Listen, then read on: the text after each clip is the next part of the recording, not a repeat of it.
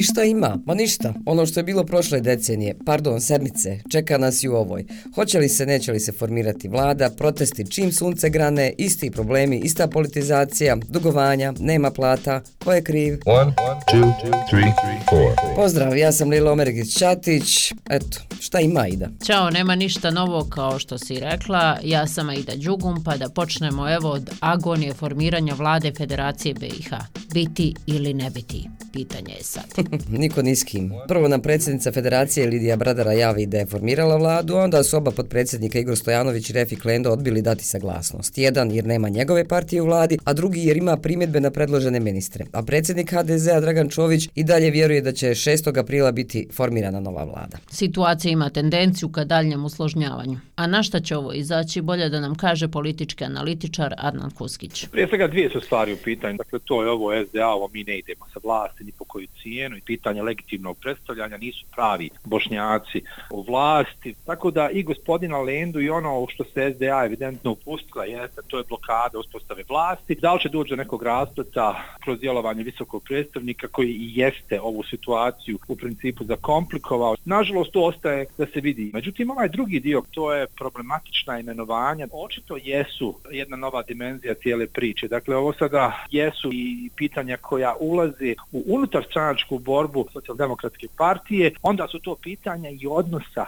sa budućim koalicijonim partnerima. Ali mislim da ne treba ni u kom slučaju manjiti opasnost koja postoje da se ova koalicija u stvari raspadne prije nego što je počela da djeluje. E sad, hoće li Schmidt nešto uraditi u vezi toga? Mi nemamo pojma, ali znamo da su održani protesti zbog nečega što još nije uradio. E, kako se osim ovog u petak desio još jedan protest, onaj rudarski, pitamo analitičara Huskića, da li oba protesta kucaju na prava vrata? Mislim da SDA je manje više izvadila sve ono što ima trenutno u, u arsenalu, od lendine blokade preko ovih protesta u jednoj kakofoniji zahtjeva koji su izrečeni ispred OHR-a. Čini mi se da je mobilizacijski potencijal stranke demokratske akcije uveliko splasno. Jedini koji imaju pravo i trebaju da izlaze na ulice, to su rudari. Svako pravdu traži na onom mjestu na kojem misli da je eventualno može naći. Naravno da je prava adresa u ovom smislu elektroprivrede, da je prava adresa vlada federacije.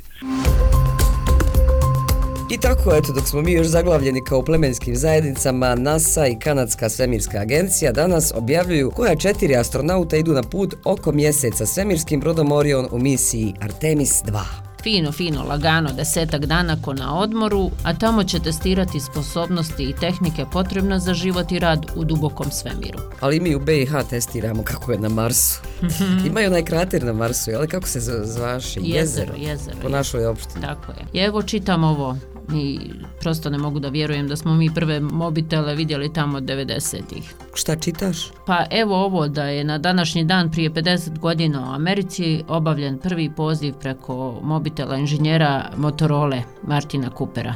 On je vodio tim koji je 72. 73. napravio prvi mobitel tako da ga mnogi smatraju ocem mobilnog telefona. Znaš kako je to izgledalo? Kao cigla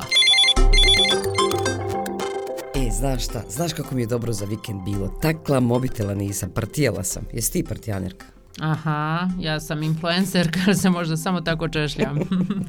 ja sam mix partijam influenceram 24-7. A sad bez ezancije, znaš da je danas svjetski dan zabave ili ti World Party Day.